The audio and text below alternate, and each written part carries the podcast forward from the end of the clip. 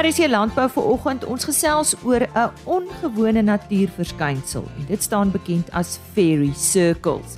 JW Hurter van die Universiteit van Pretoria het hieroor navorsing gedoen en dan kan haas of konyn eienaars gerus inskakel vir 'n gesprek met Dr. Donovan Reynolds van Hipra oor 'n virale hemoragiese siekte wat onder hase uitgebreek het.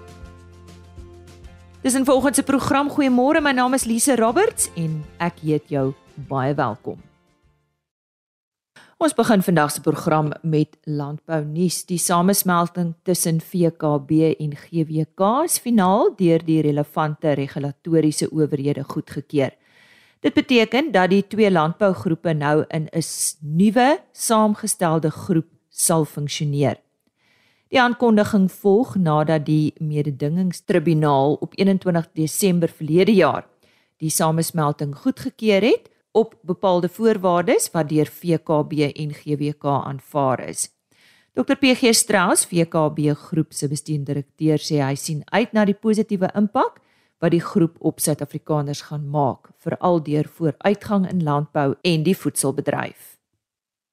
En Pieter de Jager is aangestel as die waarnemende hoofuitvoerende beampte van Agri Enterprise nadat Omri van Sail bedank het. Pieter is bekend in landboukringe en het meer as 20 jaar se ondervinding as 'n CA kommersiële boerkonsultant en lid van die uitvoerende komitees van verskeie maatskappye.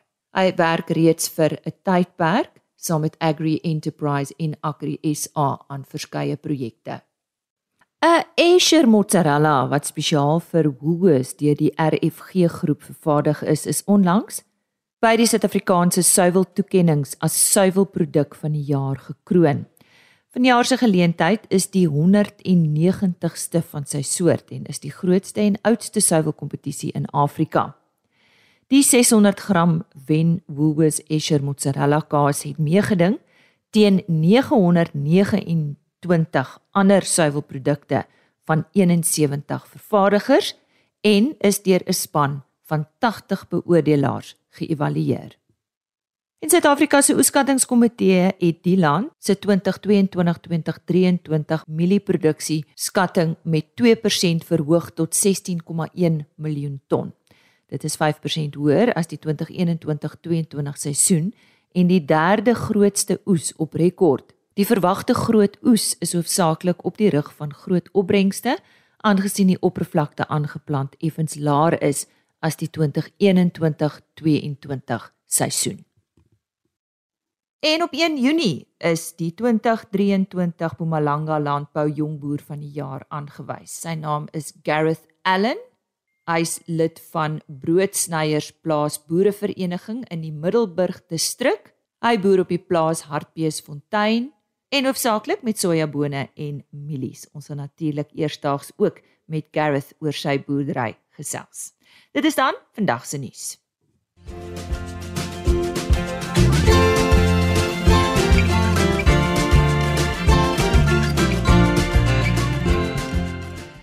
Alle haaseienaars moet nou hulle ore spits. Het sy jy 'n haas as 'n troeteldier of jy maak dalk 'n besigheid uit haase uit. Ons praat oor 'n haas siekte wat maar redelik onlangs in Suid-Afrika vir die eerste keer uitgebreek het. Ek gesels met dokter uh, Donovan Reynolds van Hipra.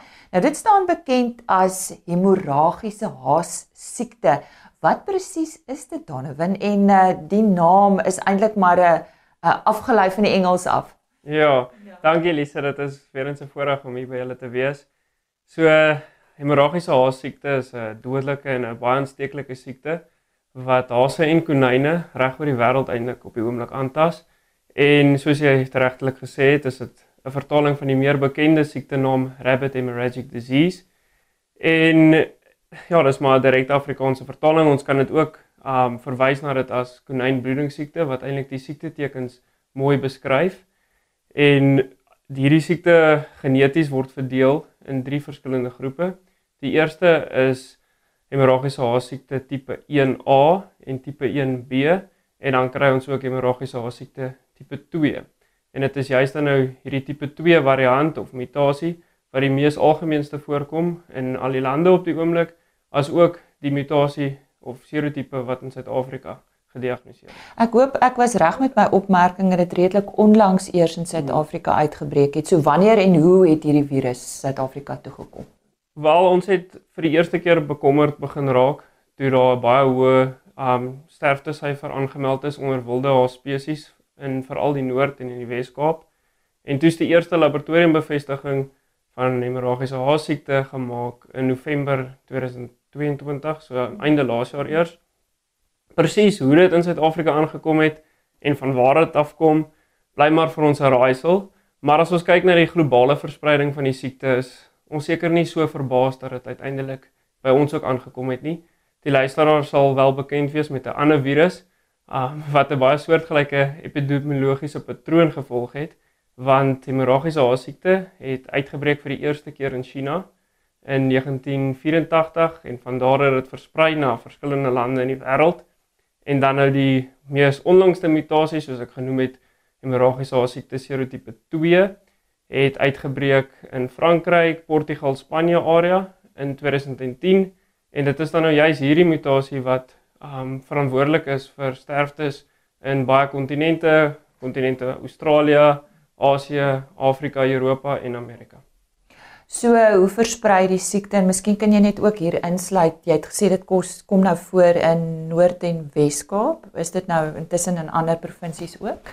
Ja, um so ons verwag op die oomblik um vir nog 'n finale epidemiologiese verslag um van die departement en dan sal ons presies weet waar presies al die getalle aangemeld is. Die meeste getalle en die mees onlangste is nog steeds in die Weskaap bevestig, maar ons weet dat die ander provinsies ook um geraak word en waarskynlik mis ons ook um baie gevalle wat al reeds in ander provinsies uitgebreek het.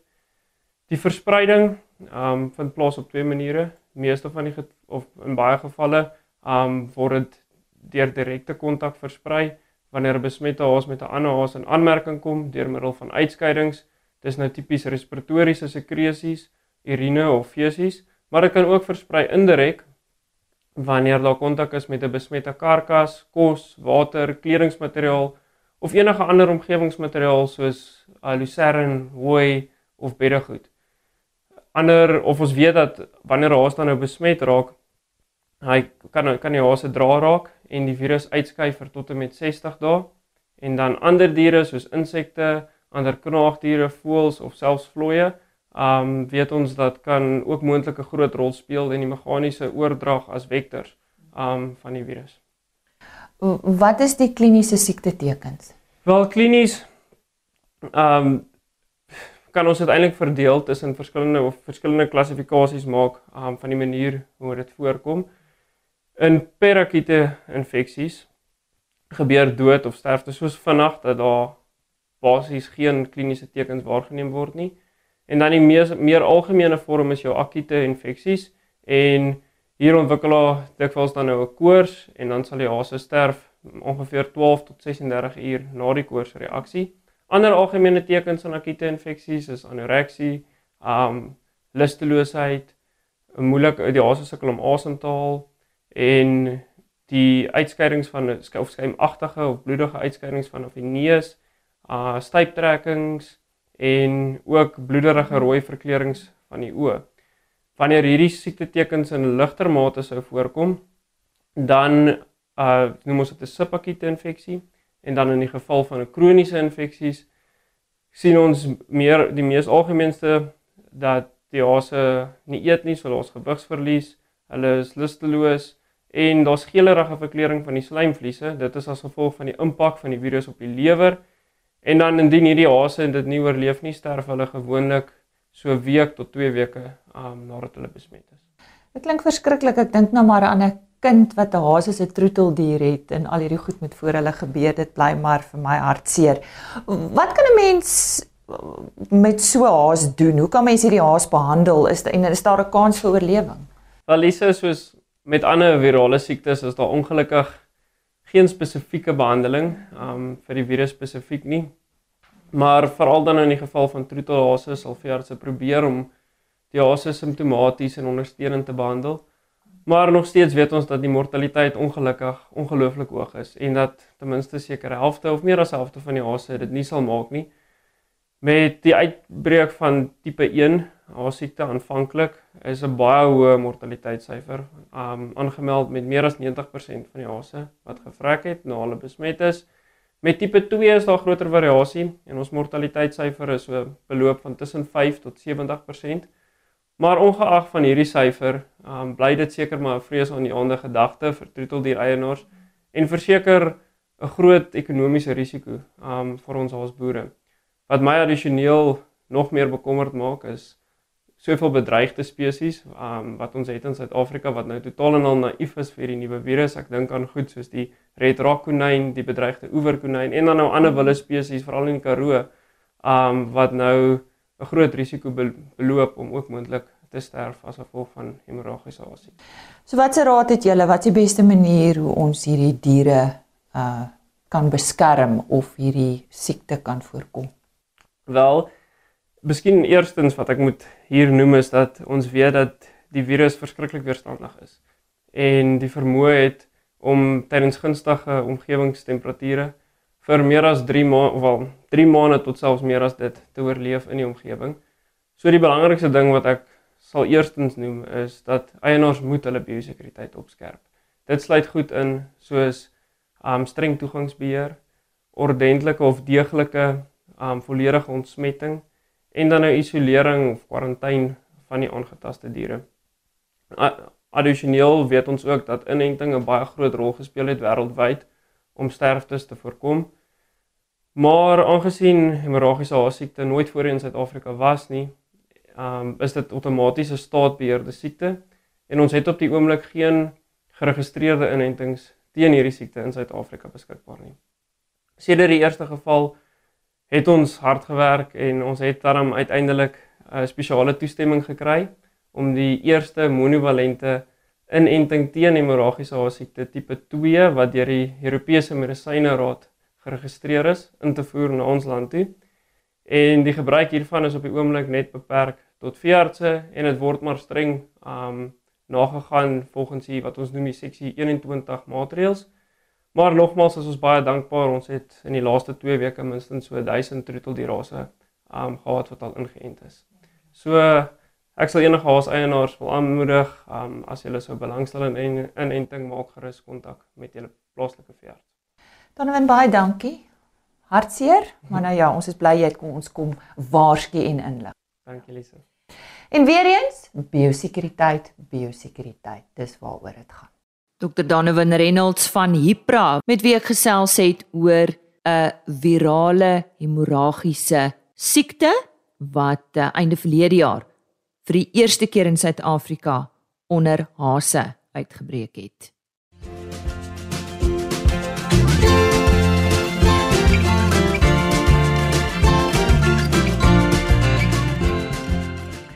Het jy al van fairy circles gehoor? Nou jy sal wonder hoekom ons praat van feetjies op 'n landbouprogram, maar dit is nie waaroor dit gaan nie.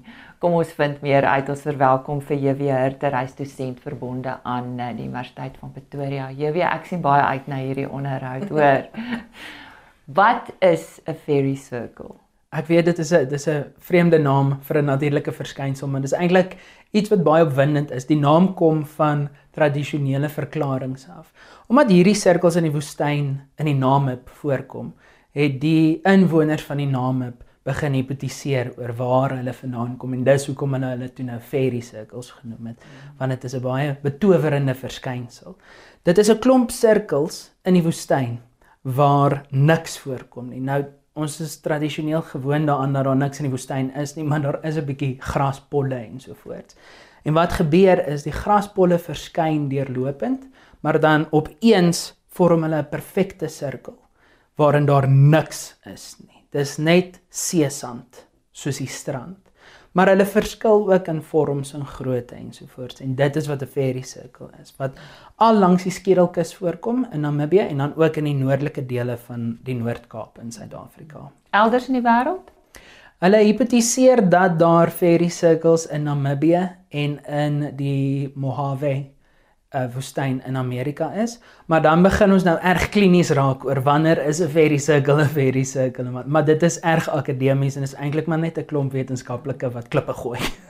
nou die rede hoekom ons met jou gesels het jy navorsing hieroor gedoen of jy doen dalk nog steeds navorsing. Ja. Wat behels hierdie navorsing? Dit was vir my honeursgraad en my meestersgraad wat ons wou identifiseer wat dit veroorsaak en ook wat dit onderhou want hierdie fairy circles word honderde jare oud. Die eerste keer wat hulle opgeteken het opgeteken is as ek dit nie mis het nie is in die 60s. En daai sirkels is gemerk en bestaan vandag nog steeds. So hulle gaan nie eers dood nie, maar ons weet hulle gaan wel eendag dood. My navorsing was gefokus op die oorsaak van hierdie fairy circles, maar ook hoekom word hulle onderhou. So ek het begin deur die grond te analiseer. My agtergrond is in chemie met 'n bietjie grondkundige invloed. So toe dink ek om die grondchemie te analiseer om te kyk of ek ietsie kan kry wat uniek is aan die fairy circles se sand wat nie in die in die matrix soos wat ek dit genoem het waar die waar die grasies is voorkom nie. So dat ek kan sien is daar 'n 'n oorblyfsel, 'n verskil in die fisiese eienskappe en die chemiese eienskappe tussen die fairy circle grond en die matrix se grond. En toe lei dit my na melkbosse toe. Nou 'n melkbos is hierdie wat almal in hulle tuine plant. Ja. Sy wetenskaplike naam is 'n Euphorbia tirucali. Hulle noem dit ook 'n burning bush. Dis daai stokkies wat so rooi punte ja, het wat die ja. honde vergiftig volgens die huisgenoot. Ja. En hulle is erg erg. hulle is erg giftig, maar Ons het verskillende spesies in die Euphorbia familie. Nou die melkbosse wat in die Noord-Kaap en in die Namib voorkom, is verskillende vorms en verskillende groottes. Hulle stokkies buig 'n bietjie anders, hulle blommetjies lyk anders en hulle het sulke klein blaartjies wat hulle uitstoot. En ek het toe nou agtergekom vanuit 'n literatuurstudie dat hierdie melkbosse saam met die fairy circles voorkom. En die melkbos se ons noem dit allelopatiese vermoë. Nou, kom ons definieer eers allelopatie. Allelopatie is die chemiese kommunikasie tussen plante. So as ons na hierdie spekboompie kyk, stel hy alle allerlei vlugbare molekules vry in die atmosfeer as hy allelopatie as 'n eienskap besit sodat hy sy kompetisie kan vermoor want ons is in die woestyn. Mm. Ons wil oorleef. Mm. So 'n melkbos gaan kommunikeer met 'n grassie en sê Choppy, ek wil oorleef. So ek gaan vir jou doodmaak. En dis hoe allelopatie werk. Maar dis 'n baie breedvoerige konsep want dit gaan van onkruid en indringers in die landbou waar daar ook chemiese kommunikasie is vir oorlewing ensovoorts tot in die woestyn. Klink soos biologiese beheer. Dit is. Ja, ja. Dit is nou maar net 'n biologiese beheer is ons die wat kommunikeer. Ons dien die glifosaat toe waar iets anders 'n soortgelyke molekuule kan sinteseer sodat hy sy kompetisie kan kan wen. Sodat hy kan oorleef want alles gaan ons maar oor fight or flight. En as jy nie die vermoë het om te kommunikeer met ander plante nie dan gaan jy tot sterwe kom maar die melkbosse kan kommunikeer en ook ons noem hulle melkbos want as jy die die takkie knak dan kom daar melksap uit. En daai melksap is waarvan hulle rubber gemaak het destyds voordat die westerse samelewing besluit het ons gaan dit anders doen. Um toe toe ons dit 'n melkbos genoem en daai daai rubber wat in die rubberplant is, is nie polêr. Wat beteken dis 'n oliebasis maar eintlik. So my navorsing het toe nou begin om te sien kan ek 'n footprint of soos enige forensiese evidence soos CSI in die grond kry wat nie ooreenstem met die matriks nie sodat ek dit miskien kan verbind aan 'n melkbos en toe ek dit identifiseer in die grond van 'n fairy circle. Maar dis nie waar dit eindig nie, want ek het aanvanklik gedink die plant vergiftig net die grasie. Maar dit is toe nou nie eintlik wat slegs wat gebeur nie. Wat ook gebeur is omdat dit 'n oliebasis, 'n nipolêre molekuule is, verander dit die fisiese eienskappe van die grond. So wanneer dit reën, as dit reën in die woestyn, dan verhoog dit die infiltreer tempo van die reënwater. So as ons kyk, ek het 'n baie exciting video wat ek vir julle sal stuur. Ek het toetse gedoen wat ek 'n waterdruppeltjie op die sand gesit het. Nou wat ons gewoond is, is as jy water op sand sit, gaan hy onmiddellik infiltreer en wegraak. Maar hierdie nipolêre molekules het die sand hidrofobies gemaak. Wat beteken hy stoot die water weg? So die waterdruppeltjie bly op die oppervlakte van die sandkorreltjies in 'n perfekte koelronde vormpie totdat hy daai termodinamiese grens oorskry en dan ewe skielik dring hy deur en dan sak hy so diep weg dat hy so ver buite die bereik van die grasie se wortels is dat hulle dit nie kan opneem nie. En daai is een van die oorlewingstaktieke van die melkbos want hy het natuurlik 'n lekker diep wortelstelsel. So nou deur dring deurdring die water die grondoppervlakte. Dit gaan so diep in sodat die gras dit nie kan gebruik nie, maar die melkbos kan dit gebruik en hy gaan oorleef. Maar dan gaan hierdie melkbos dood vir een of ander rede en dis wat ons nog nie kan uitfigure hoe gaan hy dood nie. Ek hipotetiseer dat dit gaan oor die slegte reënval in die woestyn. En wanneer hy doodgaan, ontbind hy en al sy melk en al sy nipolêre molekules en dan bly die sirkeltjie agter. En die, en wanneer daai nipolêre molekules wegraak, dan kan hy begin toegaan. So hierdie fairy circles kom voor in gebiede wat natuurlik baie droog is. Ja. Ja, dit is 'n vereiste. Dit is hoekom ons nie seker is of die sirkels wat in Australië en in die Mojave identifiseer is wel fairy circles is nie as gevolg van die verskillende reënval. Uh daar's natuurlik verskillende wêreldteorieë. O, Ja. En uh, en daar's kompetisie tussen teorieë, kom ons sluit daarmee af. Ja, daar's 'n hele paar oor termiete wat moontlik hierdie goed veroorsaak wat hulle die worteltjies eet. Daar is 'n spatial organisation wat hulle net sê dit gebeur maar net. Dit is een van daai goetertjies wat nie regtig 'n oorsaak het nie. Maar almal, dit voel vir my asof al die wetenskaplikes uit hulle eie hoek uitredeneer waar ek maar ek's ook aan die vooraand van my loopbaan as wetenskaplike is dit vir my makliker om holisties daarna te kyk en te sê guys ons almal het 'n belangstelling in hierdie fairy circles en hulle kom in die grond voor. So kom ons beklei nie uit ons eie hoeke uit nie. Kom ons begin en analiseer die grond en kyk hoe verskil dit en waaraan kan ons hierdie verskille toeskryf. Want ek sê nie dat my woord wet is nie, dis net wat my resultate gelewer het, maar ander resultate kan ander hipoteses ondersteun. Ons almal is dit eens dat dit in die grond is. So sodra ons die grond begin analiseer en 'n gevolgtrekking kohesief vanuit elke hoek kan maak, dan kan ons dalk agter die kap van die byl kom.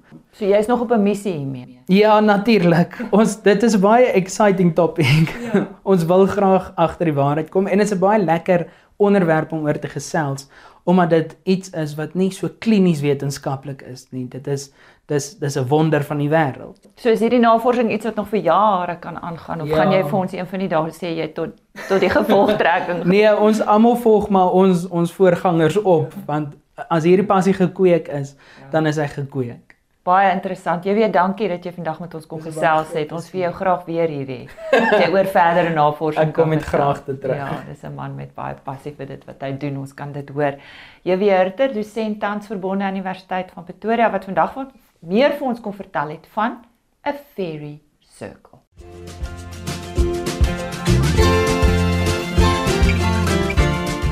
Indien jy graag weer na RSG landbouprogram wil luister, besoek www.rsg.co.za kyk onder potgooi vir RSG landbou. Al die vorige programme is daar beskikbaar. Jy kan ook gaan kyk by agriorbit.com. Ons onderhoude word daar ook gelaai afsonderlik onder podcast bo aan die bladsy. Ek sien uit om môre weer saam met jou te kuier. Onthou, 25 oor 5 net hier op RSG. Totsiens. RSG Landbou is 'n plaas media produksie met regisseur en aanbieder Lize Roberts en tegniese ondersteuning deur Jolande Rooi.